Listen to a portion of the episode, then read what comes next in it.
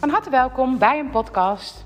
Deze keer over De Leeuw in de Muis. Ik weet niet of je het boek kent, maar het is een boek van Rachel Bright en Jim Field. En het is een heel mooi boek over kracht en kwetsbaarheid. Nou, vanmorgen luisterde ik een podcast. En in die podcast ging het eigenlijk over uh, de manier waarop je in je business kunt gaan staan. Nou is deze podcast echt niet alleen bedoeld voor mensen die een eigen business hebben. Het gaat er denk ik om, want alles is altijd alles, dat jij op die manier in je leven gaat staan. En de manier waarop dat uitgebeeld werd, was eigenlijk als een beeld van een hele grote berg. Met daarbovenop een grote leeuw of een leeuwin. En als je bovenop die berg als leeuw zit en onder jou um, ja, heb je een, eigenlijk een soort van ervaringenbasis. En dat kan natuurlijk gewoon je systeem zijn, maar het kan ook je eigen leven zijn. Dan is het mooi als je van jezelf weet dat jij dat pakket hebt om jezelf sterker te kunnen maken, om jezelf neer te kunnen zetten. Vanmorgen kwam het voorbeeld van een businessvrouw die het gevoel had door alles wat ze op dit moment meemaakte overweldigd te zijn. Het was allemaal te veel. In bepaalde stukken herken ik dat. Soms dan denk ik wel eens van, poeh, waar ben ik toch helemaal mee bezig? Mijn to-do-list die is bijna een boek geworden. En de to-do-list wordt ook zeker niet minder, want het lijkt wel alsof er steeds meer op me afkomt. En wat heb je dan te doen? Sommige dingen moet je dan uit handen geven. En sommige dingen mag je aankijken. Wat kost mij dan toch zoveel energie? En als je dan kijkt naar het boek van de leeuw in de muis, is dat een hele mooie symboliek. Want de muis zit onderaan de rots en bovenop die rots ligt een leeuw heel lekker chill te zijn. En die leeuw, die lijkt sterk en die leeuw die lijkt groot en die leeuw die lijkt krachtig. En die leeuw heeft echt alles wat die muis voor zijn gevoel niet heeft. Heel graag, eigenlijk de droom van die muis is om net zo sterk te worden als die grote leeuw.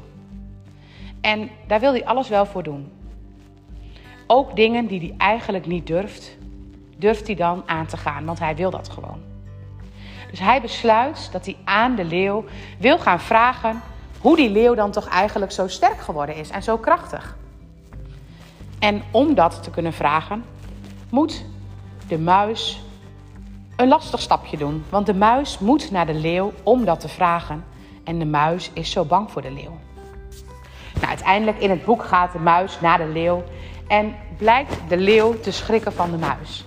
Want de leeuw lag lekker te slapen en hij ziet opeens een muis. En de leeuw blijkt bang te zijn voor muizen.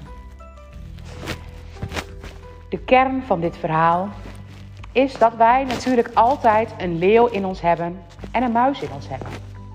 En dat we niet alleen de leeuw hoeven te zijn bovenop onze business of op ons zijn of op ons leven, maar dat dat wel de meest chille positie zou zijn.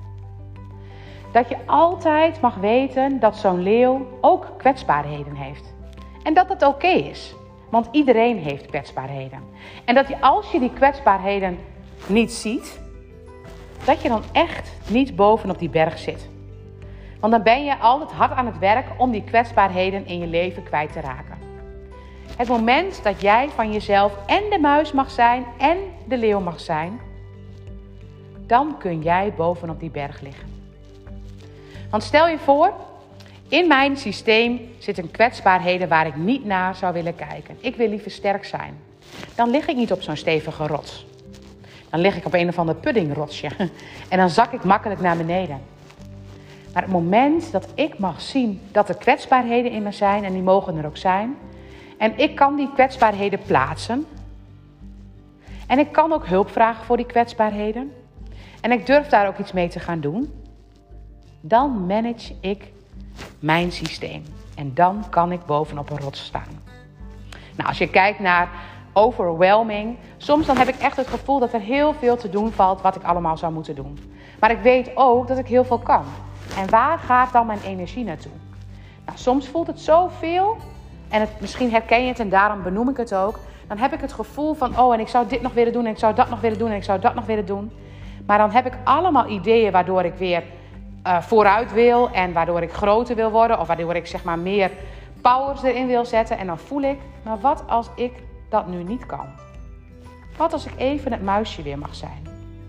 En als ik dan even het muisje mag zijn, dan ontspant die grote wil. En die wil die blijft er wel, maar het moment dat ik ook die kwetsbaarheid voel, dan kom ik opeens sterk te staan in die positie op de rots. Dus ik wil nu bijvoorbeeld mijn community veranderen. Ik wil overgaan naar bijvoorbeeld een huddle. En dat is een heel ander systeem. En het kost me ook best veel moeite om dat goed neer te zetten. En dan denk ik, ach Willemijn, waarom doe je dat er nou nog weer bij? En heb ik allemaal ideeën daarover. En ik kan als een wilde vooruit gaan en het gaan doen. Maar het allerbeste is om even de muisjes aan te kijken. Om even die kwetsbaarheden aan te kijken. En als ik die kwetsbaarheden heb aangekeken, dan hoef ik ze namelijk niet steeds weg te drukken. En dan voelt het alsof ik als vanzelf vooruit kan gaan. En nou vertel ik het over mijn business. Maar wat als jij als moeder hier tegenaan loopt? Je wilt van alles, maar je komt er steeds maar niet toe om dingen te gaan doen. Ik had het nog in het zwembad. In het zwembad, ik heb nu drie kinderen die zichzelf volledig kunnen redden in het zwembad.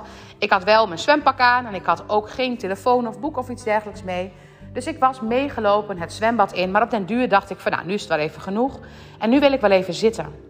Maar ik ben zo gewend om op die stoel even te mogen zitten en dan weer verder te gaan. Omdat ik steeds het gevoel heb dat ik met mijn kinderen mee zou moeten. Of dat ik als moeder uh, dan niet achter kan blijven. Dat ik hoor te gaan spelen. Allemaal ideeën wat ik dan heb. Maar toen ik ging voelen, want dat is allemaal die leeuw die vooruit wil en die van alles wil doen en die het beste wil zijn en die Dat is die supermoeder. Maar als ik dan even voel wat het met me zou doen als ik dat even niet zou doen. Nou, ik ontdekte zelfs dat ik daar bijna onrustig van werd als er rusten zou komen. Maar wat als je dan echt even gaat voelen dat het helemaal niet nodig is? Als je daar lekker even kunt zitten. En als je niet mee hoeft. En dat de kinderen dat ook niet eens echt vragen. Ze vragen het wel, maar ik vind dat ik dat zou moeten doen. En omdat ik dat vind, vragen mijn kinderen dat. Want nu was het helemaal niet zo. Want eigenlijk vonden ze het zelfs wel fijn dat ik ergens kon blijven zitten. Daar konden zij namelijk overal naartoe. Want anders zou ik bijvoorbeeld alleen met de jongste zijn gegaan. En was ik voor de anderen juist overal.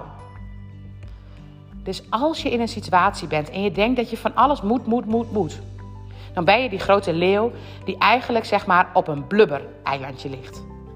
En wat als jij kan zien wat je allemaal moet, moet, moet, moet, moet. En als je jezelf de vraag zou kunnen stellen, maar wat als ik dat eens even niet zou doen? Als je eens gewoon dat kleine muisje in jezelf eens aan zou kijken. Je voelt de lossigheid. Je voelt de openheid. En soms komen daar ook gevoelens die wil je niet en dan ga je snel weer in die leeuwpositie. Maar wat als jij dat ook eens zou kunnen voelen, als je dat ook zou mogen zijn? Ik weet zeker dat je dan steeds meer en meer gaat ervaren dat jij die leeuwin bent op die rots. Oefen er maar eens mee.